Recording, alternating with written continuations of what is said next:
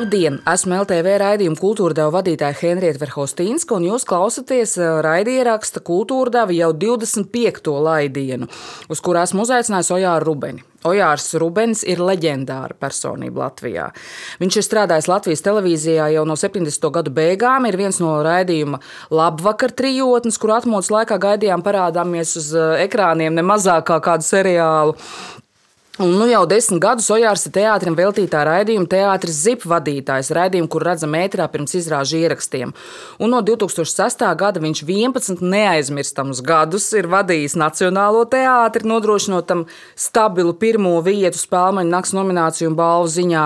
Un nu viņš ir Latvijas Teātra darbinieku savienības valdes priekšsādātājs. Sveiks, Ojār! Vai visus tavus ordeņus uzskaitīji? Jā, tu vēl aizmirsti, ka man liekas, ka saistībā šobrīd ar Ausmu Kantānu, kas ir aizgājis mūžā, mūžībā.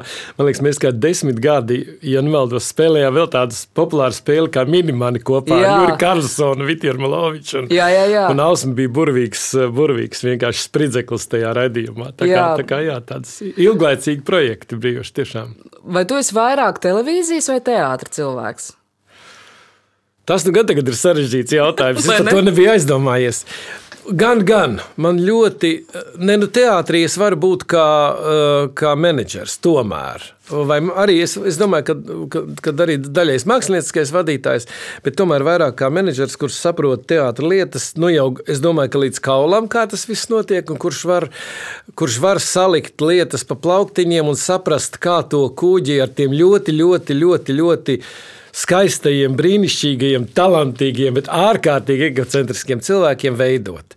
Nu, kā to kuģi, kuģi vadīt un uz kuru pusi viņu veidot? Kā, ja tā ir tāda puse, jā, un ir, tas ir tik ļoti dīvaini, ka savā laikā man bija sapnis par teātri, par aktieru profesiju, man nepaņēma līnijas, to jau es esmu stāstījis, un, un tā es kaut kā pusmūžā nonācu vēlreiz teātrī. Ļoti man patīk teātris, es ļoti tam sekoju. Kā tu zini, arī visas teātris zipa izrādes jūtos nelaimīgs, ja kādu pēkšņi neesmu redzējis, un tu kā redaktors spiestu man viņu sūtīt, lai es viņu obligāti paskatos, jo es citādi nemāku strādāt. Jā, Savā laikā es atceros, tad, kad es strādāju radio un televīzijas padomē, tad man uzdeva tādu jautājumu, vai es uh, televīzijā atgriezīšos. Un toreiz es teicu, es nevaru iedomāties savu dzīvi bez televīzijas. Un patiesībā ir tā, ka pat visā tajā laikā, kad radio un televīzijas padomē, kad mēs spēlējām uh, spēli zipu pēc, uh, pēc lavakara laika, gan, gan teātra laikā, vienmēr ir sakritis tā, ka kaut kas ar televīziju ir bijis saistīts. Tagad ik reizi, kad man ir iespēja televīzijā kaut ko, kaut ko vai kādu interviju novadīt, vai, vai, vai, vai, vai uzstāties, jā, es sajūtu, ka tās manas muguras smadzenes ārkārtīgi uz to vibrē. Un patiesībā man ļoti, ļoti patīk televīzija. Jā, man ļoti patīk. Es nevaru pat tā nodalīt. Nu, tas tā kā man prasītu, nezinu, nodalīt. Uh, Māti un, me, māti un sievu, un abas divas ir ļoti dārgas. Kā angļuiski saka, un one hand, un other hand. Abas divas ir pilnīgi jā. vienādas. Jā. Nu, mēs esam zināmā mērā tikušies tādēļ, ka kopīgi svinam kādus svētkus eh, pēdējā laikā. Mēs abi strādājam teātras zipa komandā. Tu esi raidījuma vadītājs un scenārija autors. Es tev esmu palīgos. Nē, tu redaktors. redaktors un scenārija autors. Un arī, arī mēs kopā autors. esam. Jā.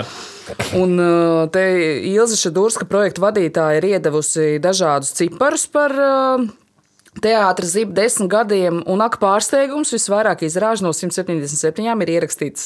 No kura teātra? Nu, no Nacionālā no, no Nacionālā teātra. Protams, man arī 40, pārmeta. 46 izrādes. JRT ir otrajā vietā ar 33, un Dāļas teātris trešajā ar 29. Hmm. Labi rādītāji. Un kā tu domā, kāpēc tas tā ir sanācis? Uh, nu, man pārmeta, ka es biju Nacionālā teātra direktors, ka es. Uh, ka es it kā esmu tev sekmējis. Tā īsti nav. Es, jā, es esmu sekmējis, tāpēc es uzskatu, ka jebkura izrāde, jebkura, kura no Latvijas teātras klāsta ir ierakstīta, ir, ir, ir brīnišķīgs ieguldījums Latvijas kultūra vēsturē. Absolūti. Un, un, un dažas izrādes pat kultūra kanonā un nākotnē, jo, jo piemēram, ļoti maz ir palicis Es pat nevaru atcerēties, kuras izrādes ir ierakstītas pilnībā no Pētera Petersona slavenā. Tagad tev jāsāk kaut kas meklēt, viņu nav. Vienkārši viņu nav. Pēters Petersons ir unikā, unikāla personība, unikāls spridzeklis uh, Latvijas uh, teātras vēsturē, kopumā, vispār intelektu vēsturē. Un līdz ar to man liekas, ka tas ir svarīgi. Līdz ar to no šīs puses ļoti centos, lai Nacionālais teātris, protams, maksimāli iedot. Tāpat laikā mēs nekad to nacionālo nevirzījām uz priekšplānu, bet tā problēma vienmēr bija, ka Citu teātrus vadītāji ļoti rezervēti uz to skatījās. Jo viņiem likās, ka ierakstīt izrādi, kura vēl ir repertuārā, ir neproduktīva, jo tad cilvēki nepirks nepirks. Ja to parādīs. Ja to parādīs. Mums jau ir izrādes, kā zināms, kuras mēs esam ierakstījuši un kuras mums eh, desmit gadus stāv krājumā. Un kuras mēs nevaram parādīt. Un līdz ar to ir, ir, ir tā problēma tāda, un, un tas, ko es mēģināju pārliecināt arī savus kolēģus, teātris vadītājus un režisors, ka tā nav. Jo, piemēram, Nacionālā teātris izrāda Ezeriņš kur ir ierakstīta televīzijā, un, ja nemaldos, vienu vai divas reizes, vienu noteikti, ja pat divas reizes parādīt, un pat stāvēja nedēļu, man liekas, nu, replējā, replējā jā, un sociālos tīklos varēja apstīties, ja jūs ieiet Nacionālā teātrā iepirkšanā. Kasē, kur viņi var nopirkt, ezeriņš ir izpārdots vienmēr.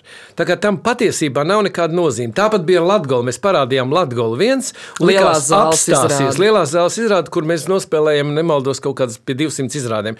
Vienalga, tieši otrādi cilvēki vēl gribēja redzēt dzīvē, tā, tā ir tāda miedarbība. To man neizdevās visiem teātriem iestāstīt. Tur bija arī tā, ka tad Džilingers, kad bija galvenais režisors, negribēja to rādīt, un negribēja to rādīt, tad Hermans negrib to rādīt, un negrib to rādīt. Un patiesībā man jāsaka paldies radošai komandai, kuru producents vada Ilza Šadurski jau sarunāt, un, un gan Mārītai Balodai, kur nu jau ir taisaulē, kur strādāja un tev, jo sarunātās izrādes vienmēr tas ir ļoti komplicēts variants. Plus, Vēl ir viena tāda lieta, kā autortiesības. Un tās autortiesības, kā tu pati zini, ir ļoti sarežģītas. Un dabūt, jo tad tur ir rakstniekam, tad komponistam, tad uh, režisoram, tad vēl kaut kas, vēl kaut kas. Un ir bijušas tādas izrādes, kuras jāsaka vienkārši kā Selingers, kurš vispār ir aizliedzis uh, savas autortiesības. Nu, tad tu kaut kā tā nav labs vārds, bet tu kaut kā muļķījies. Tas vārds tāds - lai nu, mums ir tā, ka teiksim, mūsdienu britu un amerikāņu dramaturgus mēs tikpat kā nevaram ierakstīt, jo teātri ir nopirkuši no viņiem tiesības izrādīšanai, bet ne reproducēšanai. Ne, jā, ne televīzijai. Jā. Katrā. Un televīzijā tas ir papildus izdevumi tā tālāk. Un šī sakarā ne, man ir jāsaka, nu, ja mēs pie tā vēl atgriezīsimies pie atbalstītājiem, bet uzreiz es varu pateikt, ka šī sakarā man ir Un es visu to uzsveru, tāpēc, ka man liekas, ka ir pamaz novērtēta. Man jāsaka milzīgs, milzīgs paldies um, Borisam un Inārai Tetereviem un šim Borisam un Inārai Teterevs fondam, kuri no otrā gada, kad tas fonds tika nodibināts, sāk atbalstīt tiešām kultūras projekts. Un ar Borisu man bija tāda saruna savā laikā, un viņš teica, visu naudu, ko viņš ir nopelnījis, viņš veltīs Latvijai. Un tas man ir, viņš ir taisaulē jau, bet tas man ir vienkārši palicis tādā atmiņā. Viņš veltīs Latvijai, Latvijas bērniem, Latvijas kultūrai, tā skaitā brīnišķīgi Rundāls pilī, ko viņš ir iedevis naudu, tā skaitā radio, Latvijas teātra projektiem un Latvijas televīzijai. Un, un, un Ināra Tetereva šo, šo, šo neskatoties Boris aiziešanu mūžībā un dažādām ekonomiskām situācijām, viņi ir turpinājusi un atbalsta. Un tā mēs esam sasnieguši šos, šos desmit gadus. Tā kā atbilde par to, ka speciāli Nacionālo teātri es varēju virzīt, es varēju virzīt jā, jo es vienkārši maksimāli daudz atļāvu to darīt un mēģināju kolektīvi pārliecināt, neuztraucieties, ka mēs parādīsim televīzijā, mēs to izrādi neņemsim nost. Kā tu varētu pamatot tiem cilvēkiem, kuri saka, nu, izrādes ieraksts, tas jau tāds konservs, tas jau neatsver dzīvo izrādi. Nu, kā tu varētu pamatot to, ka tomēr ir jāieraksta un ka tomēr arī šādā formātā mēs varam gūt šīs izrādes eh, baudījumu? Ne, nu, pirmais lielākais pamatojums ir tas, ka visi cilvēki ne visi uh, tiek uz, uz izrādēm. Un, un mēs ejam uz uh, kinoteātri un skatāmies, uh, nu, es konkrēti, un, un, un ļoti daudz man pazīstams, un kinoteātri ir ejam skatīties pasaules opera mūzikas iestudējums, kur varbūt mūzika un dzīvais ir vēl svarīgāk niansēs. Un mēs skatāmies Metropolitanu, Laskalu un, un, un, un Covent Garden un, un visu, ko varam, jo mēs vienkārši netiekam ne tur aizbraukt neko. Latvijā ir tieši tāpat situācija. Tas, ka, piemēram, tu varbūt vari nesasniegt to, to katarasi, Jā, tā tas ir. Jo, jo es pats skatījos, nu, tikko nesen parādīto izrādi kalpones. Ļoti uzmanīgi, jo man interesēja, kā es esmu nointervējis meitenes, vai bija labi vai nē.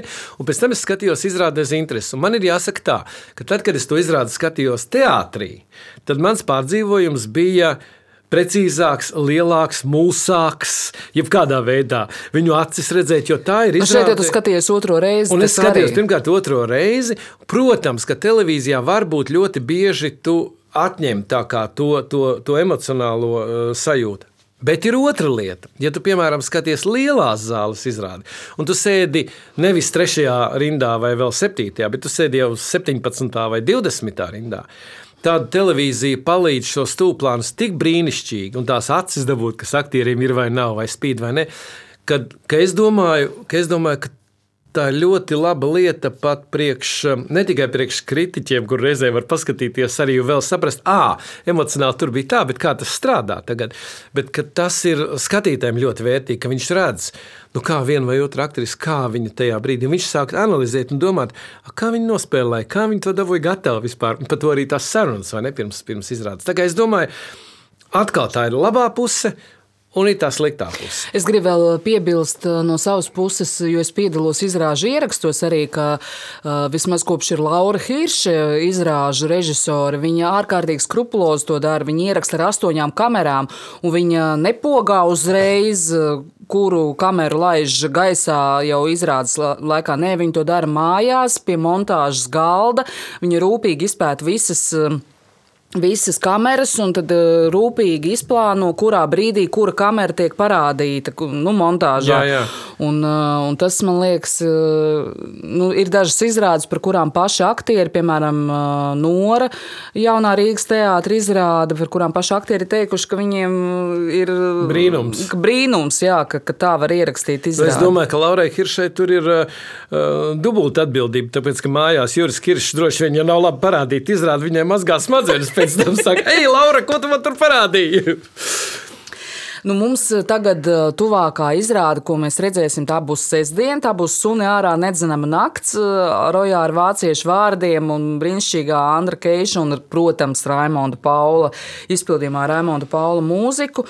Un, starp citu, pašlaik replējā vēl var noskatīties arī izrādi kalponis. Tātad replē.lv vai ltv.lv teātris ziplapā ir dēls teātris izrādes kalponis. Ojār, vai tev vienmēr patīk mūsu izvēle, jo mēs tev nevienmēr iesaistām izrāžu izvēlē? Ja, nu, pārsvarā jau es tomēr zinu, ko jūs rakstīsiet. Man nepatīk, man patiesībā patīk absolūti viss. Uh, ko, ko mēs rādām. Jo, jo man ir tāds priekšstats, pat ja izrāde nav tik labi izdevusies, kā viņi ir, tad viņu ir vērts noskatīties, jo tu saņem sev kaut kādā analītikā lietas. Tas jautājums ir, ko, ko es domāju, mēs abi ar tevi strādājot pie scenārija, pasaudzējam. Mēs pasaudzējam izrādes veidotājs, ja mēs saprotam, ka izrāde ir viduvēja vai viņa ir slikta. Un tā mēdz būt arī teātris ierakstos, ka izrāde nav īsti laba, bet nu, varbūt viņu tomēr vajag atstāt kādu aktieru dēļ un tā tālāk. Un tas, tas ir tas, kas, kas, kas patiesībā man patīk. Man tātad atbild uz jautājumu, man nav pretenzija. Un, un, protams, ja ir kaut kāda izrāde, kur ir diskutabla, tad atskan tavs zvans, vai mēs to ne, vai tev būs ko runāt. Tā ir mums brīnišķīga sadarbība. Un, un tā ir bijis vienmēr ar šīs zipa komandu visus šos desmit gadus. Es esmu ļoti, ļoti laimīgs un pateicīgs par visu brigādi, kā tas ir. Bet eh, tā, tā, tā otra pozīcija ir tāda, ka man kā raidījuma vadītājam, tajā brīdī, ja izrāde ir viduvēja vai ir slikta, uh, Nu, ņemot vērā, nu, es manu... tomēr gribētu iejaukties, ka gluži sliktas izrādes nu, jā, mēs nu, nerakstām. Tā, nu, varbūt tas tā, jā. Jā. Mēs tiešām nerakstām sliktas, lai, lai, lai nekaitinātu sevi pirmkārt. pirmkārt. Bet man ir tā sajūta, zin, ka es, es savā laikā tomēr biju pētnieciskais žurnālists un asais un tāds, un es ļoti sevi pārstruktūrēju. Man, protams, tajā, tajā situācijā ir tā, ka man gribās tam režisoram vai scenogrāfam vai nu, kāpēc tev nesanāca? nu, nu, nu, es jau varu norādīt pat uz to vietu, jo mēs jau man ne, es jau esmu mācos līdzi tev kā kritiķiem, kur tas un kā un diskutējam. Un man tā kā gribās, tā kā, nu, mazliet tā kā iekniept, tā kā pateikt, nu, bet tu tā varēji to izdarīt, nu, tāpēc tur tā izrāda nesanāca. Un es sev ļoti audzinu to nedarīt, jo, jo vispār man nepatīk vairs. Uh, izturēties pret cilvēkiem ļoti nejauki. Un kadrā man tas liekas aizvainojoši un nepamatot ļoti bieži, jo cilvēks, it sevišķi mākslā, cilvēks ir izdarījis Politikā vēl var diskutēt ļoti daudz, kur ir kādas intereses, bet mākslā 90% cilvēks ir izdarījis absolūti visu, ko viņš ir gribējis, varējis, kas ir bijis viņa spējās. Viņš par to ir ilgi domājis. Neviena izrāde nenotiek šitā klakts, un es atnāku un ātri uzstājos. Tas ir mēnešiem, reizēm pat gadiem. Cilvēks ir licis. Kāpēc? Tēmas, kādai auditorijai, kādi aktieri. Aktieri ir maksimāli to strādājuši. Un man liekas, ka ņemot to, ka tie cilvēki ir gribējuši visu to labāko, kas viņu dvēselē un kas viņu radošajā personībā ir ielikt, tad ir forši viņiem pateikt, klausies, tur tā lieta es nesapratu, vai man nesanāca. Un to es arī daru, kā tur redzat, raidījumos. Mm. Bet tā braukt virsū un teikt, nu, paklausies, kāpēc tu iestudēji tādu izrādi un tas, kam tas viss ir vajadzīgs. Man liekas, ka to vispār nevajag. Mēs esam pārāk maza tauta, lai vies kultūrā un mākslā vēl viens otru šādā veidā pazemot. Un kā tu redzi, es esmu, es esmu reizēm nejauks, un reizēm mazs, un reizēm tāds, bet, bet tam es esmu pārkāpis pāri. Man liekas, ka tad, kad es biju direktors, Tad vēl vairāk, jo tad, kā tu atceries, es ar kritiķiem varēju sastrīdēties par lietām. Jā, jā, riktīgi. Mēs ar Silviju redzam, gājām pa gaisu. Un, un esam ar Līgu Ubertu sastrīdējušies. Mums man tur bija jāatvainojas, es esmu papļāvis kaut kad jautā. Tā kā tad bija vēl savādāk, jo tad es tā kā aizstāvēju to savu teātru, tā kā tā cāļu māte, nu tie ir manējumi pa katru lietu, kas pat reizēm neobjektīvi, vai ne? Tur neko nevar darīt. Tagad es tā kā, kopš es vairs neesmu pāris gadus jau, tad es tā kā skatos diferencētāk uz visiem apmēram vienādi. Nu, tas tā interesanti lieta. Dzīvē jau mēs mainamies, mēs novecojam, Henrieta. Par tevi vēl to nevar nu, teikt. Paldies, bet, nu, paldies. Par tevi vēl to nevar teikt. Paldies, Ojār. Mēs kļūstam viedāki. Vispār jā, man tuvojas tāds apaļš cipars nākamgad. Jā, jā, jā. Tā kā nekas. 11. jūnijā mēs noslēgsim mūsu teātras zipa uh, pavasara vasaras sezonu, un šoreiz mēs izlēmām to noslēgt nevis ar izrādi, bet tādēļ, ka ir mūsu desmit gadu jubileja, ar jubilejas raidījumu. Un es atklāšu arī mūsu auditorijai, ka Ojārs bija pilnīgs jubilejas raidījuma idejas ģenerators un katalizators šķīda dzirksteles sapulcē no tevis. nē, nē, slapju dikciju tev nevar pārmest. Un, un, tāpēc es lūgšu tev izstāstīt, ko tad mēs redzēsim 11. jūnija vakarā Latvijas televīzijas pirmajā kanālā. Tu pati to pastāsti. Tu jau esi redaktors redaktor un, un Bet tu esi vadītājs un tāda idejas autors.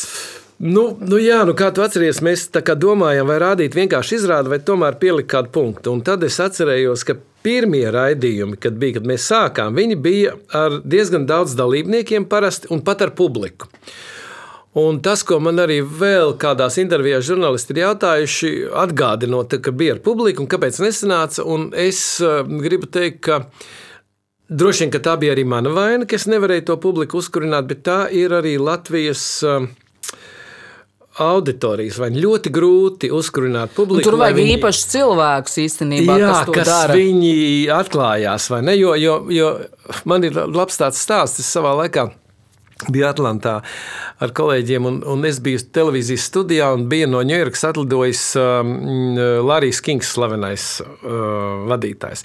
Un tur bija ar publiku, kā jau viņam tie visi. Un viņš atlidoja, pieņemsim, kaut kādos desmitos, divpadsmitos viņš ienāca studijā, Viņš novadīja stundu raidījumu, iekāpa mašīnā un viņa aizveda. Viņš vispār nepiedalījās nekamā, jo viņam katru mm. -hmm. bija sagatavots. Un tā auditorija visu laiku tika kurināta. Viņiem jau bija pateikts, kādi jautājumi jāuzdod. Un tad es sapratu, tā ir milzīga mašinērija, pie kuras mēs vēl neesam pieraduši. Mēs patiesībā īstenībā nemākam strādāt, jo tur deva jautājumus katram. Un tas sākums mums tajā zipā bija tāds iecerēts. Respektīvi, pati paši skatītāji neuzdeva šos jautājumus, viņi tikai Vi, viņiem iedod. Viņiem iedod jautājumu, viņiem pasaka, tev tajā brīdī tas ir jāpajautā, tev tur ir jāplaudē. Tur abās pusēs ir uzkurinātāji, kurš seko līdzi, vai tas to jautājumu uzdos vai neuzdos tādā veidā. Vai, ja Larijs Kings šī posmā, piemēram, viņš runā uh, kaut kādas 15 minūtes, vispār neviens nedrīkst jauties, tikai drīkst iesaukties, wow, piemēram, vai nu kaut kādas tādas lietas.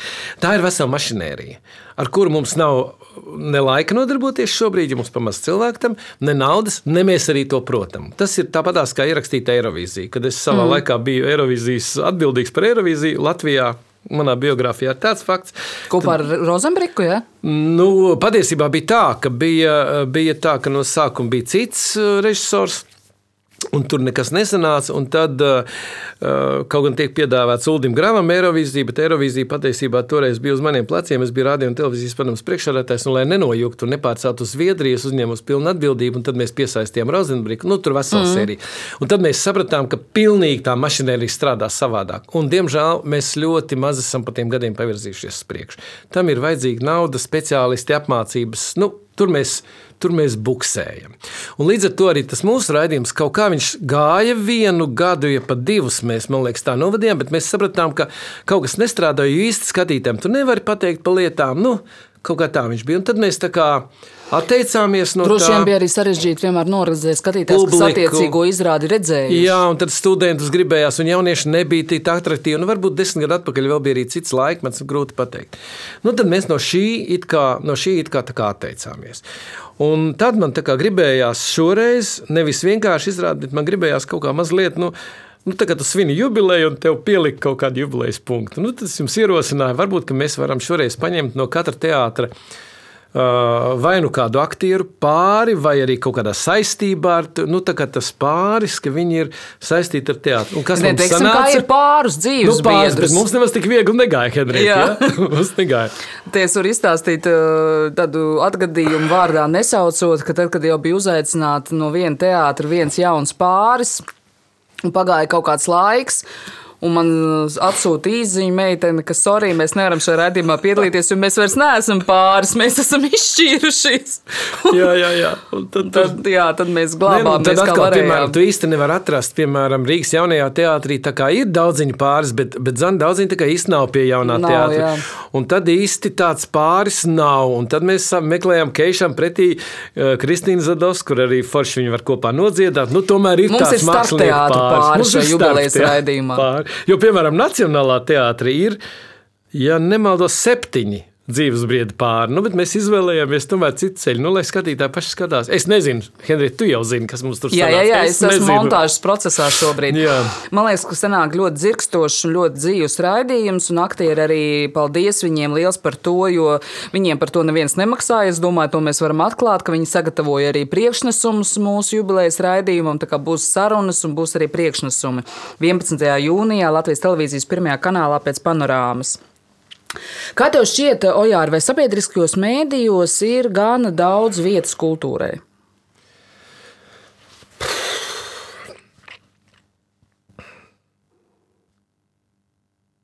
Nu, man, man kultūras gribētos vēl vairāk. Tā godīgi teikšu, jo tas ir vienīgais, kas mūs var stiprināt. Un arī šādos laikos, kā pandēmijā, un to mēs redzējām pat ar zipu, kad pandēmija bija cieta, vienkārši kad teātris zipa raidījumu auditorija izauga milzīgi. Mm. Un, un, un vēl jau vairāk kara laikā. Man liekas, ka kultūra ir tā, kas mums var eh, likt stabili domāt, jo, jo kultūra pat izklaide. Pat labs izklaides projekts, ja viņš ir labs un kvalitatīvs, viņš vienalga tev liek domāt, kā viņš to dabūja gatavu, a, pa kurām tēmām viņi runāja. Un nepavēlti uh, Zelenskis šobrīd ir uh, prezidents. Nepavēlti Maksims Galkins cepura nost viņam ir aiz, aizbraucis no Krievijas. Nepavēlti vesela sērija šie komiķi vēl tur ir aizbraukuši. Viņi jau mm, tā kā it kā kultūra dod to, kultūra nevar būt atrauta no politikas. Tas nu ir skaidrs. Un kultūra dod stabilitāti. Un ja tu uz kultūras cilvēkiem kaut mazliet paļaujies, jo, jo ir tā, ka, piemēram, politikā ļoti bieži mainās politika. Nāk saimnes, nāk nākamais politiķis, atkal, atkal un atkal. Nu, tomēr, ja mēs skatāmies um, glezniecībā, vai mūzikā, vai teātrī, no ārkārtīgi stabilitāte.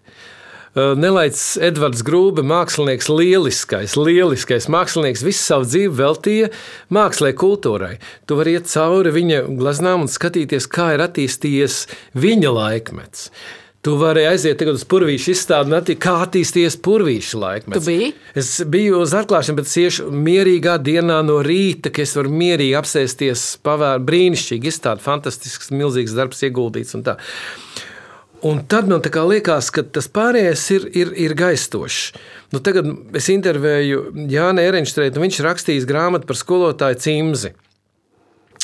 Un man, es nebiju izlasījis to grāmatu, kaut viņš man bija uzdāvinājis. Es viņu pārskatīju pirms tās intervijas, un es domāju, Bācis, Jānis Erenštreits. Viņš ir augstākās klases pedagogs, skolotājs un cilvēks mūsu kultūras vēsturē, piemēram. Tāds pats kā Cimze, par ko viņš rakstījis grāmatu. Un saprot, tās lietas paliek. Un pārējās, vai mēs pēc gadiem šobrīd atceramies. Uh, kā tur sauc to Krisbergu, tur, kas tur bija politikā? Ausaklīši, tu domā? nu, Es atceros. nu, atceramies tādā, jā, bet ko viņš izdarīja politikā? Tad tieši neko. Tieši neko. Un atbildot uz to tavu jautājumu par kultūru, man šķiet, ka nav tā, ka kultūras būtu ļoti maz. Paldies Dievam, sabiedriskos medijos kultūra ir. Un, un man jāsaka, diezgan labā kvalitātē.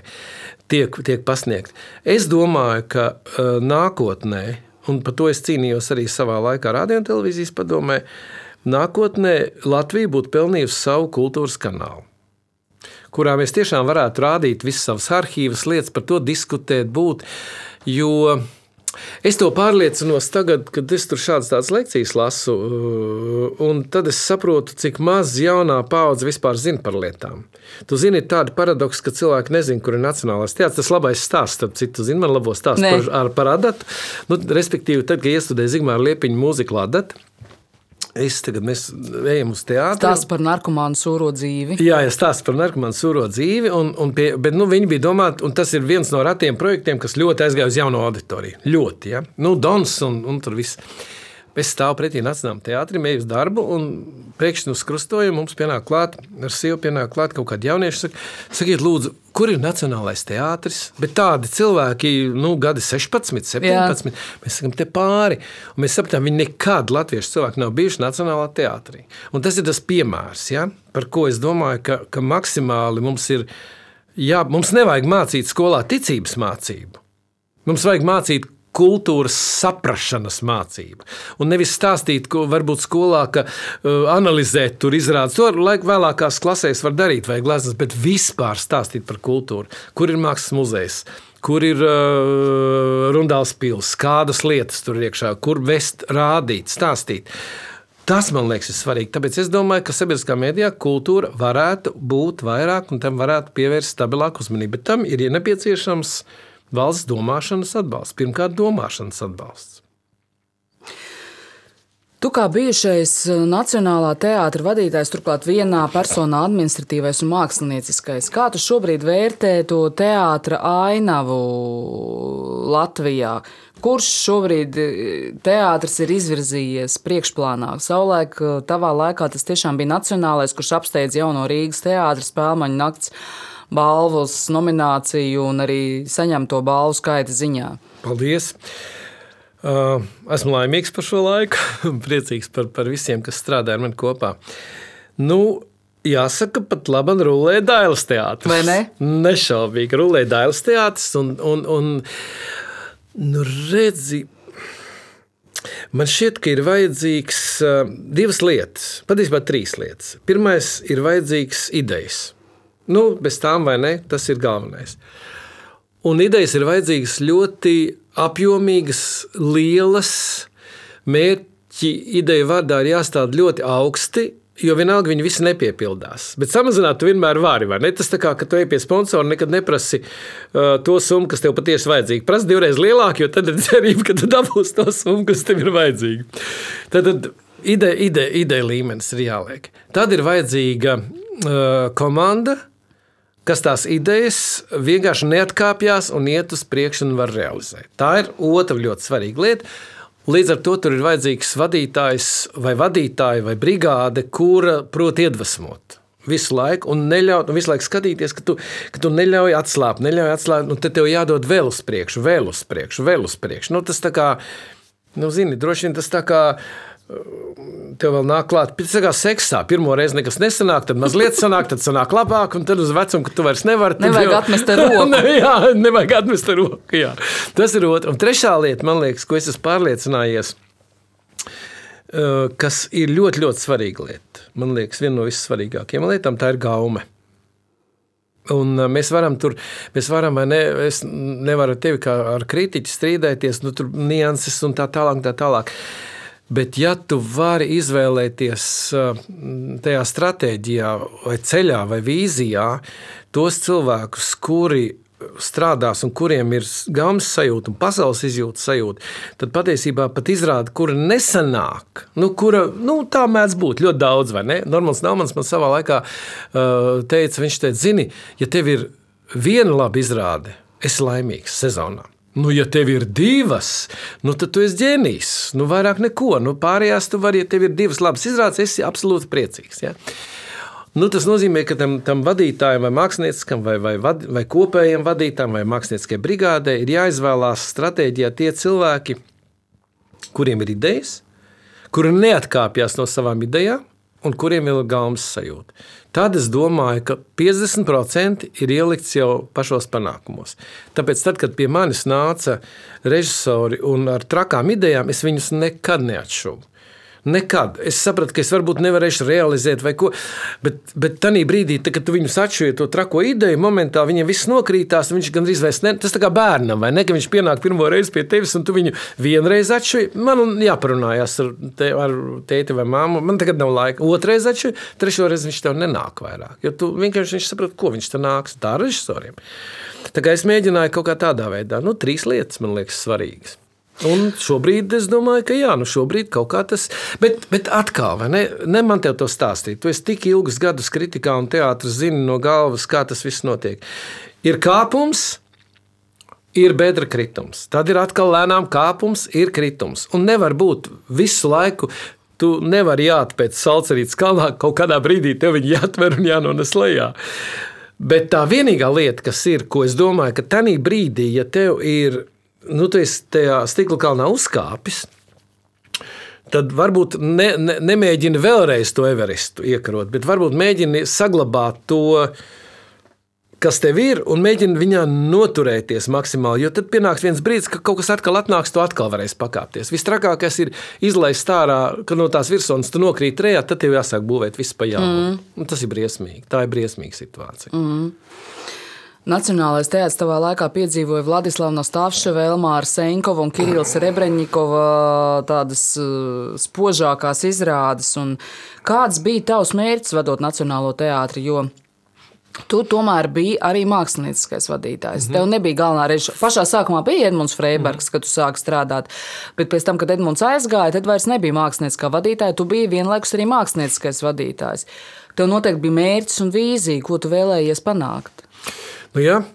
Pirmkārt, man bija, um, pirmkārt, man bija mm, mērķis tikt ārā no stagnācijas. Jo visu laiku ap Nacionālo teātri bija tā, ka nu, tas jau tur tā kā nu, tas jau pensionāra teātris ir maz galvas, jo tur bija abonementi un tā. Un tad man, man es visu laiku domāju, kādā veidā izsist laukā. Kādā veidā izsist laukā. Un tajā pirmajā sezonā, kad es, es aizgāju, ja, tas bija 96. gada maijā, Un repertuārs jau bija salikts no iepriekšējā direktora, un es sapratu, tas nestrādās, jo zāles bija arī pustukšas, un tur bija problēmas, un kolektīvā bija neapmierinātība. Nu, viss tas tā. Un, zināmā mērā, es aizgāju, es domāju, nu, tagad es visu sagriezīšu kājām gaisā. Es, protams, biju redzējis gan Vilsonu, gan Martāleru, gan Talheimeru, gan nu, visas slavenības. Un es mm. domāju, nu, es tagad šitā gribu. Nu, man tas teātris interesē. Man viss šis te vairāk skrodardienas Nu, lai viņi spēlē, bet nu, tas nav mans. To man nevajag. Man vajag tā kā Vilsons taisa, ar gaismām, lietām, vispārējo. Un tad es sapratu, burtiski divu, trīs nedēļu laikā, ka tas tā nestrādā. Nu, vienkārši tā nevari. Tu nevari vienā. Uh, Tu nevari uh, vienā ģimenē ielikt kaut ko, kas tev visu izārda, un, un tagad tur būs. Nu, tā nebūs. Un, un paldies Dievam, man bija brīnišķīgs uh, padomdevējs. Vēl tajā laikā dzīves bija Jaunšāns, un Freibergs un Uldis Dumpis. Un, un tad klāt nāca Kirillis Rebrņikovs un, un, un, un, un uh, Igaunis. Nu, Nīganens, Elmo, un, un, un, nu, vis, kuras es vienkārši klausījos tādām atvērtām ausīm un acīm. Un, un es tā palēnām gāju. Tā vīzija bija izsist ārā pamazām ar dažādām netradicionālām izrādēm, lai publika un arī kolektīvs un arī aktieri sāk domāt savādāk. Tas jautājums nav par to, ka taisīt tagad izrādes, kas būs savādāks. Tas jautājums ir par domāšanas maiņu. Un domāšanas maiņa nenotiek neviena, ne divu, ne trīs gadu laikā. Viņa notiek palēnām. Un tad, kad man bija lielākais pagodinājums, tas jau bija laikam kaut kāds piektais gads, man liekas, ir ceturtais. Tad, kad uh, mēs uzvedām mirušās dvēseles, Kirillis Rebreņģikovs izrādi, tad man bija divas sarunas. Pēc izrādes, nenormālā steigā, kad man, pie manis pienāca Silvija Radzobe, un viņš, viņa teica, Es iešu augšā uz pieņemšanu, uz glāzi, šampanieti vai vīnu, ko jūs man dosiet, jo tas ir teātris, kādu nacionālā es gribu redzēt. Un es tajā brīdī biju absolūti, man liekas, es lidoju no laimes, ja man Silvija, kur, nu, tu zini, kāda viņa bija, viņa var pienākt to pateikt. Un otra lieta, man pienāca klāt viens advokāts, Sirms Kungs, kuram, man liekas, jau bija kaut kādi 70 pāri, abonementu īpašnieks, kurš visu mūžu ir staigājis uz abonementiem. Viņš man pienāca klāt. Jūs ziniet, Rubeņkungs, šī ir viena no labākajām izrādēm, ko es Nacionālā teātrī esmu redzējis. Un tajā brīdī es saprotu, nevis ka jauns cilvēks, bet ka divi šādi cilvēki, kritiķis un viens vecā gada gājuma cilvēks, un es sapratu, ej, klāts, es šitā var iet, un tas mirušās dvēseles iz, parāvienu izdarīja arī kolektīvā. Protams, adata pirms tam bija, protams, kaut kā viss vis kaut kas jau rulēja, bet dabūt to pagriezienu, kad tas teātris sāk nevis moderni spēlēt, Nevis modernas dekorācijas, bet domāt. Jo tajās mirušās dvēselēs jau arī nekāda, kas tur viena kaste un viss tādas ir simtiem. Nu, tā ir gan moderna izrāde. Nu, tomēr. viņi ir moderni, jā, viņi ir moderni. Bet nu, viņi, kad to domāšana, tad pamazām step by step by step, es domāju, ka tā ir lieta. Un tas man tagad patīk, kā piemēram, es tādas izrādes kā Dēls Teātris Rotko izrādes esmu redzējis. Varlihovskim, poļu režisoram brīnišķīgs savienojums video. Nu, tur Kovskis jau strādā ar Varlikovsku. Nu, tieši tā, nu, tur ir tas tā, bet tad, kad es aizgāju uz to izrādi, es sapratu, o, oh, Dailas teātris ir pagrieziena punktā uz domāšanas maiņu. Tas man liekas ļoti svarīgi. Tas man liekas ļoti svarīgi. Tā, tā vīzija bija mainīt domāšanu, radīt izrādes modernākas, neatteikties no uh, saglabājot visu auditoriju, neatteikties no psiholoģiskās drāmas, neatteikties no sirsnības. Neatteikties no sirsnības. Jo tad, kad Edmunds Freibergs atkal iestudēja cīrulīšus ar Lāsu Kungrānu un, un, un Mārcis Maņakovu un, visu to sastāvu, es sēdēju zālē, es domāju, nu, brīnišķīgi, nu, man tā sirsniņa velkās tā, nu, tas ir vajadzīgs tomēr. Tagad radīt to situāciju, ka tu vari skatīties uz Nu, man ir tāds labs teiciens. Es to saku saviem, kad es eju kaut kādas lekcijas lasīt, un vispār es to auditorijā saku. Man ir, man ir tāds teiciens. Um, Ja, un, un tas, tu kā kritiķis, turīt varēsi smieties vai vienkārši par mani tā. Respektīvi, ja tu iznāc ārā, ir trīs punkti cilvēka ķermenī. Ir prāts, ir sirds un ir zemjostas vietas seks. Ja tu iznāc ārā no izrādes un tev kaut ir no, no, nostrādājuši visi šie trīs punkti, kad tev ir domājis, tev ir aizkustinājis, tas viss Tev ir, tev ir pat līdz asarai, vai līdz smiekliem bijis, un tev vēl uz skatuves tas ir bijis seksīgi, un aktrises vai aktieri, un kas viss tas bija. Tad man liekas, tā izrāda desmitniekā. Ja tev aizkustina divi punkti, prāts un sirds, tad septiņniekā. No astotniekā, ja tev viens punkts, nu, tad jau ir pieci. Un, ja tu izjāji ārā un teici, nu, ne, nu tā varēja būt, tagad, bet tu esi patērējis savas dārgās trīs stundas, savus dārgos 30 eiro, vai 40 vai 50 vienalga. Un tu izjāji ārā un, un saki draugam vai draudzenei vai mammai vai tētim, aiziesim iedzert vienu glāzi un parunāsimies par dzīvi, un tu vispār esi aizmirsis izrādi. Tad es uzskatu, ka mākslas darbs ir uh, nauda nodokļu maksātāju. Uh, kolektīva laiks, uh, mākslinieckais potenciāls, viss ir izšķērdēts veltīgi. Un tā mēdz būt. Tā mēdz būt. Tā kā nav manis teicis. Tā mēdz būt. 50% droši vien, ka tā mēdz būt, un tur mēs varētu analizēt ilgi un gari. Bet principā uh, ir jābūt tā, ka tam cilvēkam pēc tās izrādes vienalga. Nu, viņam, piemēram, dieviņš pilā varēja nepatikt ar Gunu Zariņu. Es pieņemu, ka varēja nepatikt. Bet, ja viņš vispār paskatījās, ka tā guna zariņa kaut ko tādu var dabūt gatavu, un ja viņš vispār padomāja, kas tas Aivars Neibards bija, Tad jau mēs esam radījuši labu lietu. Tad jau tas ir. Nemaz nerunājot par vispārējo. Starp teātris zipu sociālo tīklu burbulī, jo es atbildu arī par teātris zipu sociālajiem tīkliem, tad tur uh, dieviņš pilnā aizgāja nu, reizes četras labākā kalpones. Tu redzi? Jo tā sirds, acīm redzot, tas, par jā, ko jā, tu saki, tā jā, sirds jā, jā. ir novibrējusi. Jā, tur uh, dieviņš pilnā aizgāja uz urā. Kalpons uztvēra atturīgi tā mūsu teātras zipsekotāja publika. Jā, brīnišķīgi.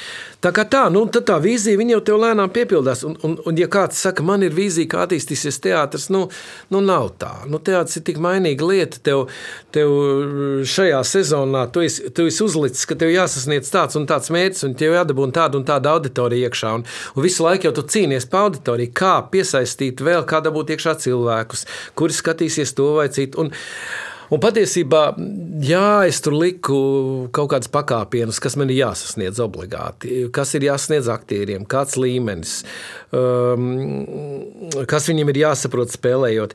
Bet visu laiku man otra puse, visu laiku bija kā nepazaudēt to publiku, kas jau tev ir. Un tas, protams, ir repertuāra teātra problēma, jo tev ir jābūt ļoti, nu, viņš ir asals, nu, tur neko nevar darīt. Un viens rasols sagatavo ļoti garšīgu, Otrs sagatavo, nu, rasols ir rasols. Nu, te bija jautājums sagatavot ļoti garšīgu rasolu. Edmunds Freibergs taisa uz ļoti, varbūt, konservatīvu publiku, bet viņam vienmēr ir sirsniņa iekšā. Viņa izrādēs vienmēr var patikt vai nepatikt. Elmārs Senkovs man bija, rež, es pa saviem režisoriem, kas, bija, kas bija lidotājs, kas gribēja lielus projektus, savādāk domāšanu, mainīties, darīt. Valters Sīlis, kas ļoti strādā uz sociālajiem projektiem, pētnieciskā, gan arī tāda žurnālistika, kur iet, kur iet uz priekšu. Indra Roga, kura kura, kura man bija uh, inscenētājs, kur vienkārši, kad lika izrādi, Latvijā nebija viena brīdi labāk inscenētāja. Man liekas, vēl tagad ir jautājums par to, kurš ir labākais inscenētājs roga. Jo tā kā viņa var uzlikt lūgu, mūku vai kabarē, nu, to nevar izdarīt neviens, un mēs to pārliecinamies. Viņai bija šī auditorija. Atnāca jaunais Toms Streinis, kam ir ļoti laba sirsniņa, kurš ir aktieriem vienkārši apcīm, kurš mīl to teātri, kurš nu, šādā veidā, nu, es veidoju to Ināras Lūdzu, kurai ļoti labi gauma, kur var atturīgāks izrādes taisīt. Ja?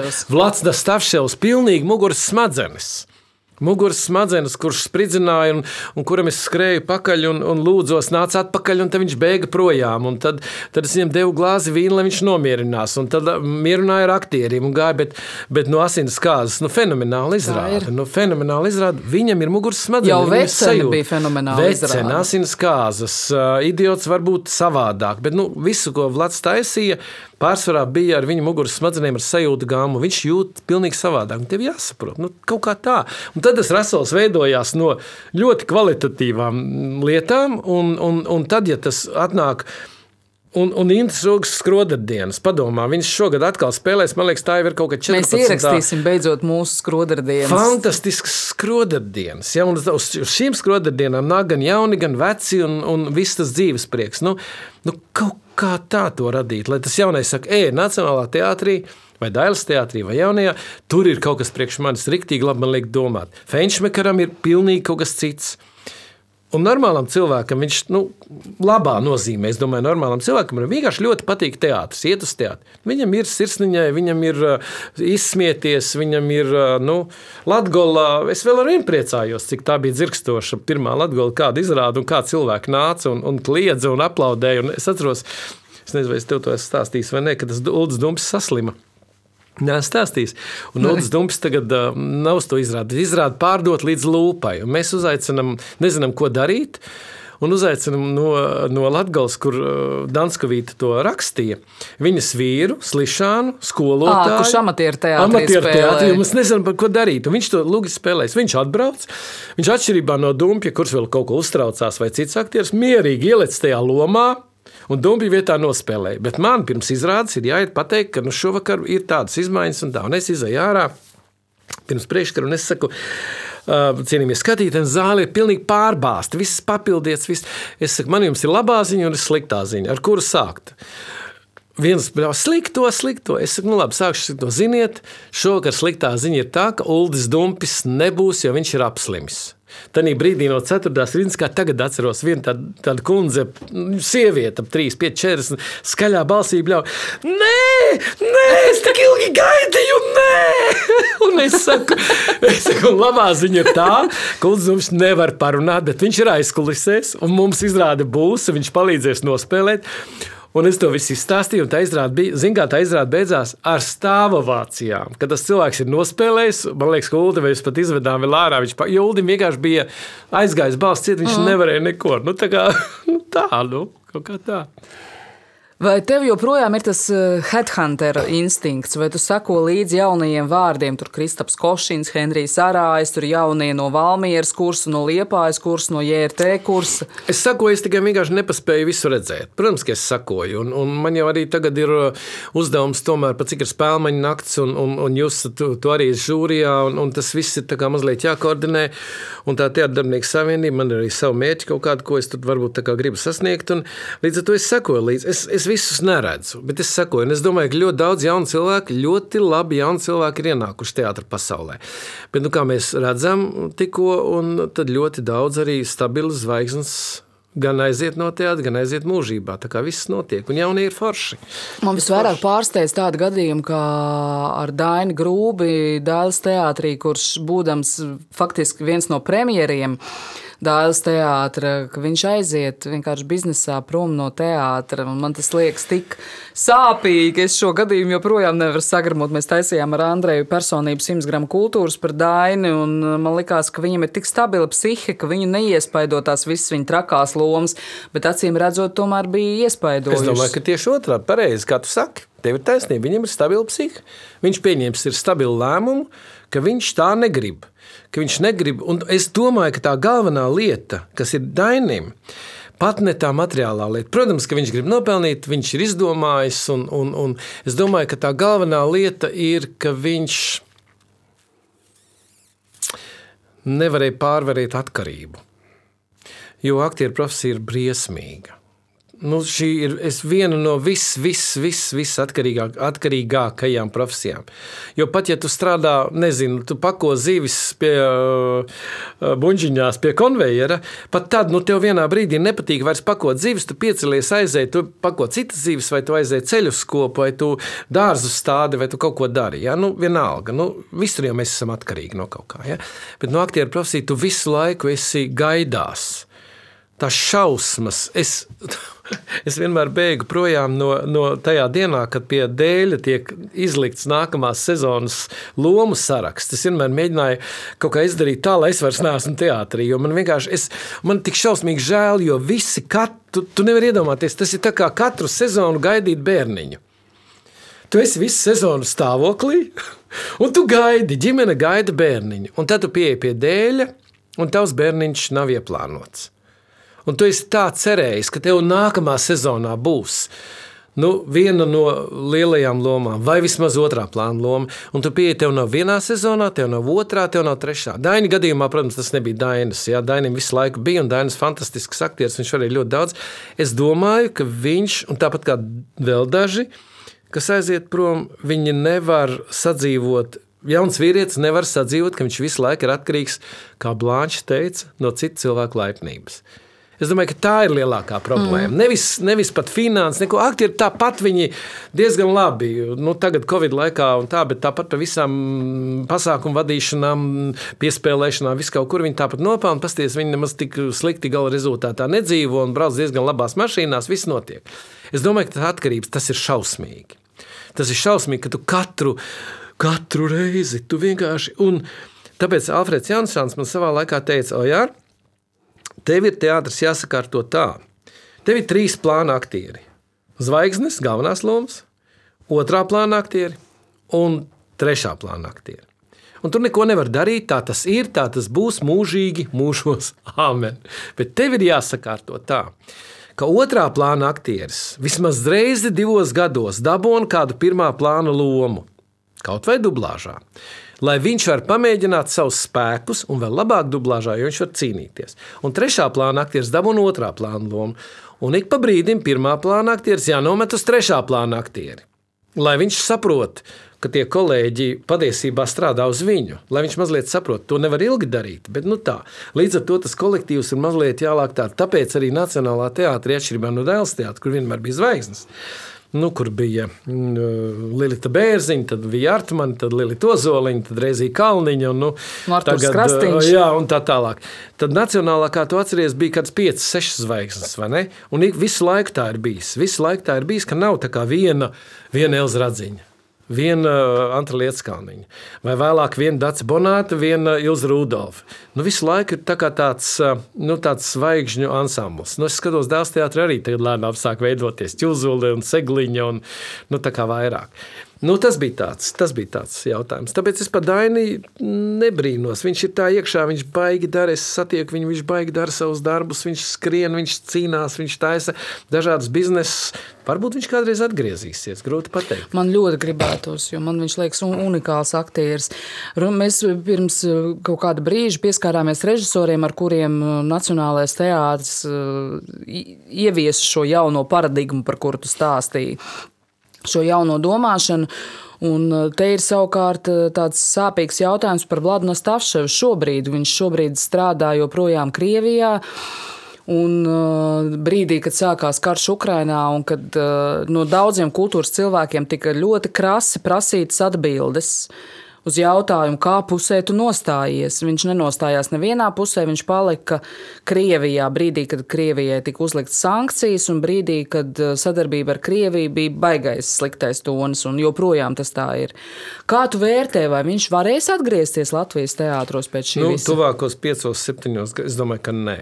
Es domāju, ka nē. Un Vlads Nastafševs zvanīja 26. datumā man februārī un teica, Ojārs, Ojārs, ko man darīt, ko man darīt? Es teicu, es tev nevaru dot nekādu padomu. Tā ir tava izvēle. Es tev iesaku braukt mājās. Bet es tev nevaru dot nekādu padomu, es nevaru ietekmēt cilvēku. Un te ir ļoti labs piemērs. Ir mm, Krievijas drāmas teātris aktieris Maksims Busels, mm -hmm. kurš bija prom no štata, kurš bija Maskavā tajā laikā. Viņš filmējās ļoti labos seriālos, viņam bija ļoti materiāli ieinteresēti seriāli. Viņš uzteica, pārtrauca sadarbību seriālos, atbrauca atpakaļ uz Latviju un tagad ir atpakaļ Krievijas drāmā štatā un strādās. Es ar viņu runāju, viņš teica, es to nevarēju un es sapratu, kas man ir dārgāks. Vlads palika, Vladam ir uh, piedāvājumi, Vlads tur strādā, viņš, protams, politikā nemaisās, bet um, es domāju, ka tas bija nepareizs solis. Godīgi sakot, viņš ir talantīgs un viņš būtu atradis vietu arī tālāk Latvijā. Viņš, protams, ir ļoti sarežģīts režisors, gan ar vadītājiem strādājot, gan ar kolektīvu, bet viņš ir talantīgs. Viņš izdarīja savu izvēli. Domāju, ka viņam nu, vismaz tuvākajos piecos gados. Pat ja viņš politiski nekādā veidā tur nav iesaistīts, neko, es domāju, ka viņam nav iespēja Latvijā strādāt. Un es arī godīgi sakot, teikšu, ka es laikam negribētu. Viņam bija izvēle tomēr pārtraukt un braukt šurp. Mm. Kā tu domā, kas noteica to viņa izvēli? Es domāju, ka iespējas un finansiālais jautājums. Jo Latvijā viņam nebija nekāda baigta liela projekta. Man liekas, ka viens bija teātrī dētīdīla paredzēts, un tur viņam piedāvāja, viņš taisīja operu, tad viņam piedāvāja vēl kaut ko un vēl kaut ko, un mākslinieks ir, nu, Nu, viņš atkal ir kā mazs bērns. Ja viņam dod uh, šokolādi, ja tu dos visu laiku, vai ne bērnam konfekts, viņš ēdīs konfekts tikai, ja pārsvarā. Ja? Nu, tā tad tev ir kaut kā jāierobežo. Viņam piedāvāja, es domāju, la labākas iespējas, pat ne naudas ziņā, jo Maskava ļoti dārga un kas tur vispār būs, neviens nesaprot. Es domāju, ka viņam piedāvāja iespēju radoši attīstīties. Bet tā vispār ir. Uh, Tā ir Krievijas mākslinieka milzīga. Tas, tas nav par Vladu, vai ne? Ko es tagad teikšu. Tā ir Krievijas mākslinieka šausmīga traģēdija. Šausmīga traģēdija. Es vakar runāju arī ar vienu um, choreogrāfu, kur tagad arī palīdzēja pie um, Malkoviča izrādes uh, kur strādāja savā laikā Maskavā uh, teritorijā, uh, un, un, Anna, un viņa atbraukusi arī ar savu meitiņu uz šejieni. Nu, tā viņa, viņa atbrauc uzreiz, kad sākās karš. Viņa ir viens no tiem cilvēkiem, kas gāja demonstrēt pret Putinu jau visus šos astoņus gadus uz demonstrācijām. Viņa izsakoja, un nu, tur nu, viss tas stāsts ir garš. Mm.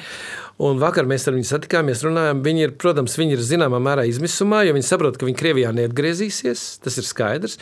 Viņi ir atbraukuši šeit bez naudas jo viss ir aizbloķēts. Kartes viņai neviens neņem. Viņa tik cik varēja izņemt to, to viņa izņēma. Tā drīz būs cauri. Protams, ar darbu šeit viņai, kā krievietē, ir ļoti grūti, bet viņa ir ļoti labs modernās dēļas choreogrāfs. Kādu Latvijā netrūkst, es teikšu. Un kādu Latvijā netrūkst šobrīd, un mēs esam maza valsts, plus vēl citādi runājoši, plus vēl latviešu valodu nezinoši. Es domāju, ka tiem cilvēkiem ir nu, nu, šausmīga problēma. Nu, nu, viņiem ir šausmīga problēma. Kā, nu, tas pats Andris Lielais, kas tagad parādās, ne, kurš arī pēc 42 gadiem ir atgriezies Latvijā. Un kā viņš dzīvos, nu, viņam vismaz latviešu valoda. Ja? Es domāju, ka tādu cilvēku ļoti daudz, un, un, un Latvijā es tagad esmu sastapies, nu, es esmu sastapis kādus. Kādus 12, 13 uh, labus gan televīzijas uh, cilvēkus, gan teātris cilvēkus, kuri ir pārtraukuši attiecības. Ja? Uh, Smags laiks, kā būs, nezinu. Mēs jau arī nemaz, mēs jau varam teikt, ka mēs, jā, visi brauciet, visi, mēs neesam nemaz tik viegli, viegli cilvēki un, un tik ļoti atklātām rokām uzņemoši, jo mēs jau arī sargājam savu telpu un vietu, kas arī ir saprotami. Tā kā briesmīgi. Es domāju, un Vladam ir ļoti sarežģīta situācija. Tev ir vēl kāda kaislība, vēl bez teātra un televīzijas, un tā ir opera. Nu, nu. nu, un draudzība ar pasaules slaveno mecosoprānu Elīnu Garanču tam ir pierādījums. Jā. Jo tu esi līdzdarbojies, ja nekā savādāk, tad vismaz kā kleitas vedējs pie visiem Elīnas koncertiem jā, šeit Latvijā. Nu, protams, jā, kā producents, jā. protams. Ojār. Kā, kā radās šī mīlestība pret operu un kā radās draudzība ar Elīnu? Ne, no operas bija tā, ka tad, kad man nepaņēma teātris fakultātē, tajā vasarā, tad rudenī es sāku iet kursos, lai iestātos filozofijas fakultātē. Es kā vienu gadu izlaidu. Jo, un tad es tajos filozofijas fakultātes kursos satiku vienu meiteni, kura operā gāja. Operā ir tāda vēl viena, bez koras, solistiem, orķestrā, vēl viena ir tāda pozīcija mīmisti. Tie ir tie, kas nes uh, vairogus, grozus, puķes, pasniedz glāzes, steigā ar paplātēm, uh, turandotā nes ārā, turandotu. Nu, tādi statisti patiesībā apģērbti. Un, viņi bija tajos mīmestos, nezinu kādā veidā. Viņi teica, vai tu negribi nākt mums pušas vajag. Nu, es aizgāju uz tiem mīmestiem un sāku strādāt tur tajos mīmestos. Nostrādāju kādu gadu, un tad, um, tad uh, parādījās pēkšņi vieta Guntis Gailīts, režisors, tagadējies toreiz strādāja pie izrāžu vadītāja. Viņš gāja no izrāžu vadītāja projām, jo viņš gāja pie režisoru Liepas um, par asistentu un vajadzēja izrāžu vadītāju. Tur vajadzēja kādu cilvēku, kurš bija ar muzikālo izglītību, kurš redz notis, saprot un var iemācīties lasīt partitūru. Un viņš zināja, ka man tā ir, viņš man piedāvāja. Un tā es trīs naktis sēdēju, trīs reizes 24 sēdēju un mācījos, kā vispār lasīt partitūru. Es to mm, sapratu, jo notis zināja, un es sāku strādāt izrāžu vadītāja. Tā sākās mana mīlestības opera. Es viņu ienīdu no sākuma. Mamma aizveda uz operu. Es atceros uz Karmenu. Mēs sēdējām sānu kaut kādā ložā. Orķestrs bija skaļš. Karmena bija resna. Jose bija apvēlies kaut ko viņa viens otram dūra. Man tas viss likās perversi, stulbi un nebaudāmi. Un tad pēkšņi uz operu. Nu, tā sākās. Viss tas operas laiks sākās ar visiem brīnišķīgiem māksliniekiem, viesizrādēm, vai dieviņ, ko es tur neesmu redzējis. Sākot ar Amerikas moderno baletu, kas pirmā reize bija uh, Latvijā, un, un Māri Liepu, un, un visiem veciem solistiem, un, un, un, uh, un Obrascovu, un, un, un Itāļiem, kas brauca tajā laikā. Nu, Tā sākās tas mans laiks, un tā es jau paralēli televīzijai, kad jau es biju beidzis universitāti, 79. gadā sāku strādāt televīzijā, es to par nepametu. Nu, kaut kā tas bija pat labvakar laikā, nostrādājot ar 15 gadu izrāžu vadītāju. Un, uh, mani, Pat labvakar laikā. Jā, vēl labvakar laikā. Vēl oh. kaut kāds divus gadus labvakar laikā, un tad es vairs nespēju. Vienkārši nespēju. Puikas man sēdza te visādi, jo tie izrādes bija, un operā sēdza Mārcis Sirmais palīdzēja vadīt izrādes, un visādi tur mums gāja. Bet tad es vienkārši sapratu, es kaut kā biju samīlējies tajā mūzikā. Pat ne tik daudz tajā operā. Klasiskajā operā Jā, tieši. Nu, tieši tajā mūzikā. Vienkārši, jo man likās, nu, tas ir kaut kas neticams. Kā var Verdi vai Puķīnī vai, vai, vai un tā es lēnām, lēnām, bet redziet, to mūziku arī ir tā. Tas ir, tu nevari iemīlēt klasisko mūziku, vienkārši iemīlēt. Tev viņi ir jāstudē, tev viņi ir jāmācās. Tev ir jāsaprot, nu, man mākslinieks ļoti patīk. Tev ir jāsaprot, kāpēc tev viņš patīk, kuras ir tās nianses, kuras ir tās frāzes. Kāpēc? Kāpēc tu atkal gribi klausīties? Noķert kaut kādu vienu epizodi, kāpēc tu gribi vēlreiz to noklausīties? Un tad, ja tu jau sāc, un es ļoti daudz neatpazīstu, man pat ir tā, ka ļoti, ļoti tu sēdi kaut kādā pēkšņa koncertā vai kur viņi piedeva. Un es biju sievai, kas tā pa piedevu. Viņa saka, es arī nezinu, kas tā pa piedevu. Labi, man parasti sēž gunda vai vad blakus, un es viņai atkārtoju, kas tā pa piedevu. Un gunda draudzene, tā ir tā un tā, nu tad labi. Nu, tā ir, tā es kaut kā, nu, tā es kaut kā sāku, un, un, un tā, tā opera, jā, un tad, nu, visi jau tur bija kopā. Nu, es atceros, Elīnas, um, tad jau es vairs nestrādāju, ka Elīna sāk dzirdēt Elīnas pirmos soļus, un tā, mēs nebijām ne tādi baigie draugi. Es ļoti, ļoti tuvāk sadraudzējos, kad uh, Anita, Elīnas mamma, uh, nāca, un es viņu visu laiku vaņģoju. Viņa negribēja, viņu visu laiku vilku iekšā Nacionālajā teātrī, kā no 2006. gada vilku iekšā viņu kā muzikālo konsultantu. Jo tā kā Anita mācīja iemācīt aktieriem dziedāt, vat šitā vienkārši. Vat tā vienkārši tā, es nesaprotu, kāds ir iespējams. Viņš nemāk dzied. Dita kaut kādā augstos toņus metāliski dziedāja, Anita atnāca, dabūja zemos toņus iekšā. Dita varēja nodziedāt Keriju vienkārši brīnišķīgi. Nu, nu, tā visus, visus, visus, un tā es to Anita. Un patiesībā bija tā, tad, kad uh, mēs sadraudzējāmies ļoti ar Anitu uh, daudz, un tad Elīna bija pa vidu, jo es jau esmu Anitas paudzes, un Elīna varētu būt tētis. Un, un kaut kāds ar to Anitu, un vairāk, vairāk, un tad uh, kaut kas mums tajās kaut kas mums ar to Elīnu, tajā domāšanā vai tajā sirds stīgā baigi saklapēja. Un vēl jau vairāk tas padziļinājās tad, kad Anita saslima. Un tā tas ir aizgājis. Man ļoti, es vienkārši, es vienkārši mīlu Elīnu, jo nu, solis ir skaidrs. Bet tā balss man vienmēr sasliedz tās spalviņas uz rokām, vienmēr, kad es Elīnu dzirdu, jo viņa tomēr nu, ir. Man liekas, unikāla balss. Viņa ir unikāla, un zini, bet es vēl vairāk, es, protams, ka man tas viss ļoti patīk. Uh, bet ir pasaulē daudz balsu. Es patiesībā Elīnā mīlu ļoti viņas prātu.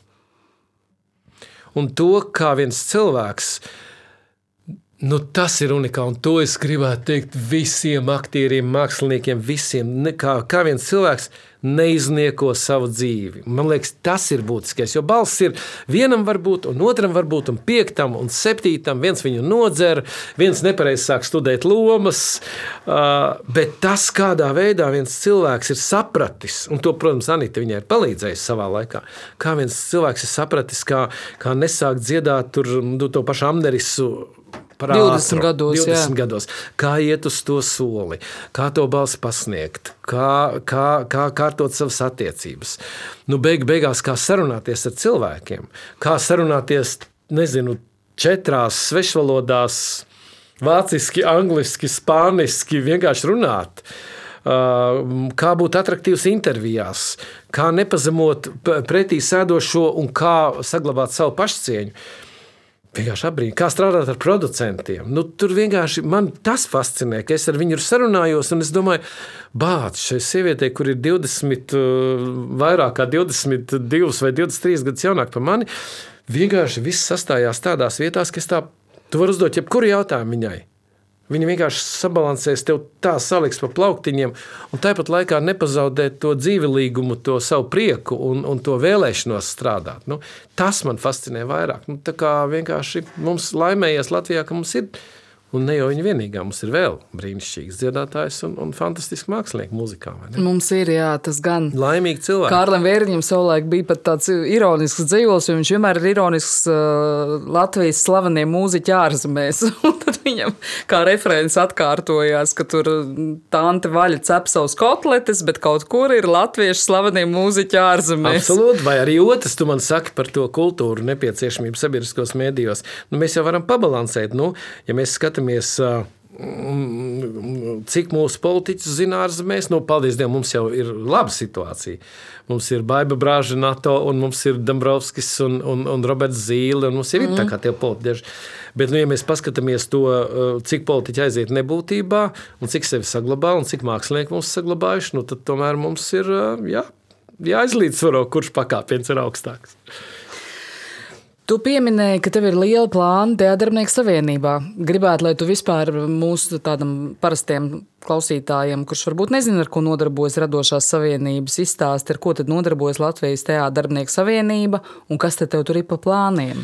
Nē, nē, nu, zini, kā pasakot dievam kādus plānus, un viņi tev vai ne? Viņš pasmēsies. Jā, viņš, pas, viņš jau pasmējies ir šos divus gadus par tiem plāniem.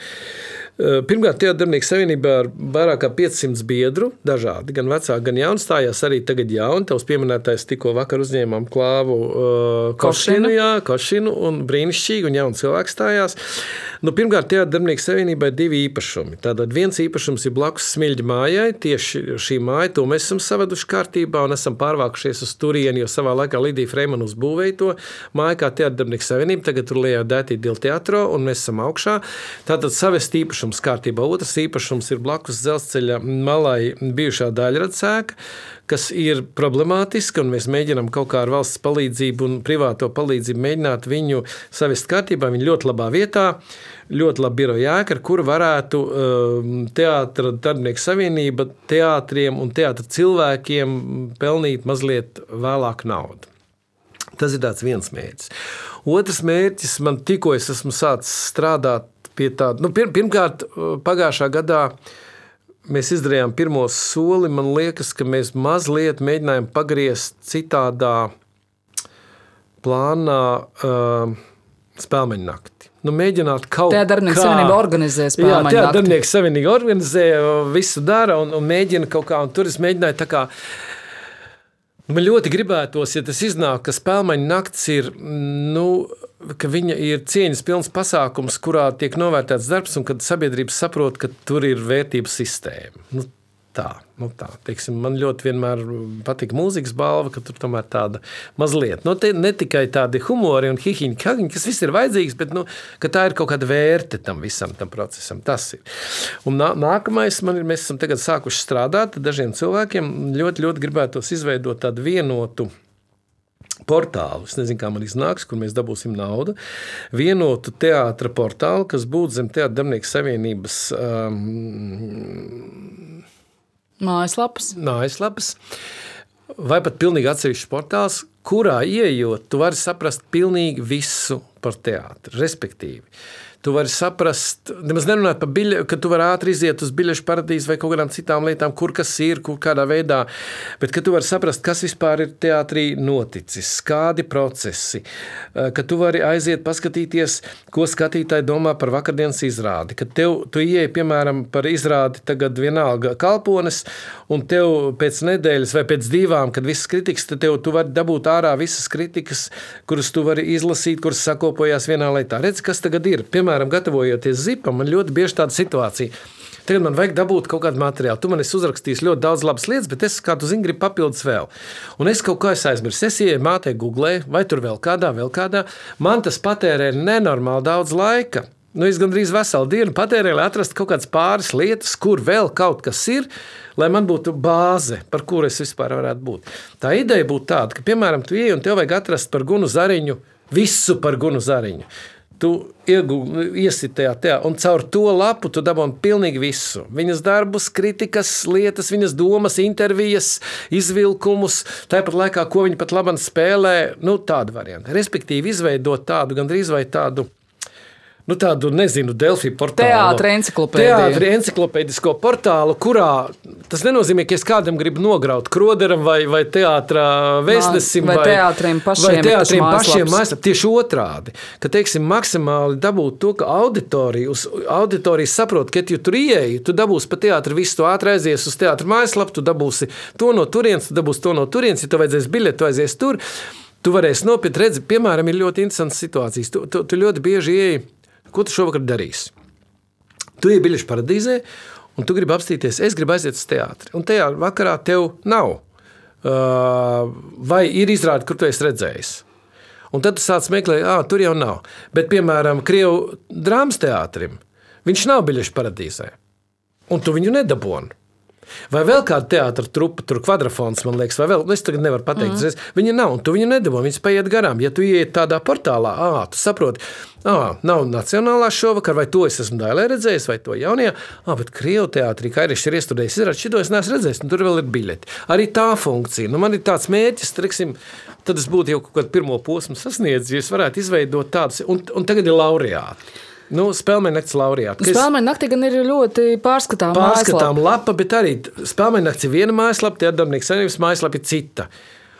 Tagad tu savieno visu tā kopā, un tu saproti, tev, tu ej tajā darbnīca saimnības lapā vai tajā portālā, un ah, spēļņa nāk šiks, un tu uzreiz momentāli dabūji ārā. Tev izsit, ka tev ir nominēta Maidoveika šogad, un tu sit uz Maidoveiku, un tev momentāli izlaiž ārā, cik viņi ir vispār ko spēlējusi, kādas nominācijas bijušas, kad viņi saņēmusi, kad viņi nav saņēmusi. Zināt, tas atvieglot gan žurnālistiem darbu, gan kritiķiem darbu, gan mums strādājot pie zipa vai teātra projektiem. Un es domāju, pat sabiedrībai galvenais, nu, ka viņam ir kaut kāda viena lieta. Nu, muziķiem ir mūzika LV starp citu. Bet ko tu darīsi ar to, ka visi tie galvenie domēni, kā piemēram teātris LV vai sietra LV, ir jau aizņemti? Tas nekas. TDS, nu, TDS, nu, ļoti labi. Nu, atradīsim to domēnu. Jā. To mēs atradīsim. LTDS jau arī domēns jau ir tas.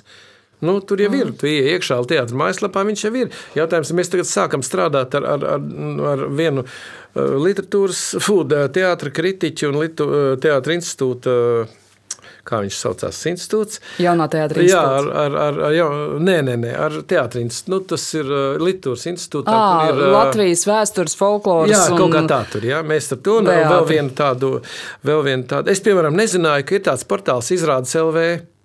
Tu zini? Nē. Izrādās, ir portāls izrādes LV, izrādes.lv. Bet viņš funkcionē? Viņš funkcionē, piedāvā ļoti aktīvi. Viens džeks ir uztaisījis portālu izrādes LV aiz savas mīlestības pret teātri.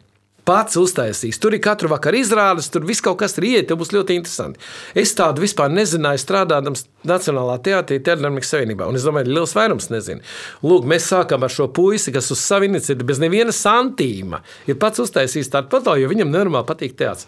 Tas, tas, tas, tas portāls ir ļoti foršs. Nu, mm. Mēs sākām ar viņu strādāt par šo ideju, kā to visu salikt kopā, nu, kā izveidot. Es domāju, ka ļoti liels daudzums skatītāju vai klausītāju nezina, ka teātris vēstnesim ir sava mājaslapa. Nu, to gan es zinu. Tu zini, tāpēc ka tā ir tava profesija. Bet liels vairums nezina. Labākā gadījumā zina Kroders LV. Mums jau nevajag vienam ar otru plēsties. Mums vajag dabūt kaut kā kopā visu to lietu. Tu vēl uh, nepieminēji vēl vienu nu, tādu darbinieku savienības funkciju, kas man liekas ļoti svarīga. Tā ir uh, to uh, mūža nogalēja esošu teātra cilvēku atbalstīšana un palīdzēšana viņiem. Nu, tas ir fantastiski. Un tur, jā, tas ir fantastiski, jo tur darbojās arī apakšā tāda, tāda apvienība Rāmpa zem teātra darbinieku savienības. Tur Anna Klēvera, Dita Lūriņa un, un Zana Dombrovska ļoti aktīvi darbojās un ziedojums vāc. Un tie ir tie pasākumi, kas tagad divi gadi ir izkrituši Dailas namā, kas bija, kur bija interesanti tas jaunais, ar, jaunais aktieris ar vecāko aktieru un tā. Un, tā, tā ir tāda lieta, protams, tā ir aprūpe par tiem cilvēkiem. Un tur reizēm ir tā, jā, mēs naudu mēģinam palīdzēt, mēs mēģinam plēpim, tur bija vācām naudu, kad vajadzēja medicīnai un, un ārstēšanai, bet vēl ir tāda interesanta lieta, ka viņi reiz mēnesī tādas grupiņas, ka viņas sanāk kopā un satiekās. Un, Un, uh, Viņas nāk tādā darbinieka savienībā, tad viņi paši kaut ko tur ir uzcepuši, tad viņi, kāds ir uztaisījis maņu, mazu tur kaut kādu uzlējumu, un tad viņi runā par seniem laikiem. Tur brīnišķīgi cilvēki, un ļoti interesanti ir paklausīties viņu stāstos. Nu, tā, tā ir tāda tāda gara uzturēšana tiem cilvēkiem, lai viņi, eh, es ceru, ka mums izdosies atjaunot viņiem arī izbraucienus un ekskursijas. Un tagad mēs esam lūguši teātriem vadītājiem, lai viņi palīdz viņiem uz ģenerāla mēģinājumiem tikt. Nu, tā ir tāda vesela pasaule, kur nedrīkst izmest miskastē vienkārši, kur ir cienījama un, un kas ir tas nu, tā ir mūsu bagāža. Jā. Nu, tur ir dažādas sīkas funkcijas, par tām es nerunāju. Es tev tikai tādas pāris lielās gribēju pateikt, ko, ko man gribētos izdarīt. Vai tas izdosies? Nu, nezinu, nu, laiks rādīs. Es tev ļoti novēlu izdodas. Man liekas, arī tajā darbinieku savienībā ir uh, jaušama lielāka rosība nekā paldies. iepriekš. Un paldies tev par šo sarunu! Paldies tev! Šo stundu jūs bijāt kopā ar Teātris Zipa raidījumu un Latvijas Teātris darbinieku savienības vadītāju Ojāru Rubeni un mani Henrieta Haustīnsku, un jūs klausījāties kultūrdevas raidierakstu. Atgādinu, ka tiekamies raidījumā Kultūrdeva X svētdienu, pulksten 5. Latvijas televīzijas pirmajā kanālā vai Replay LV. Savukārt nākamajā kultūrdevas podkāstā tiksimies jau pēc divām nedēļām. Paldies tev! Paldies tev! Paldies.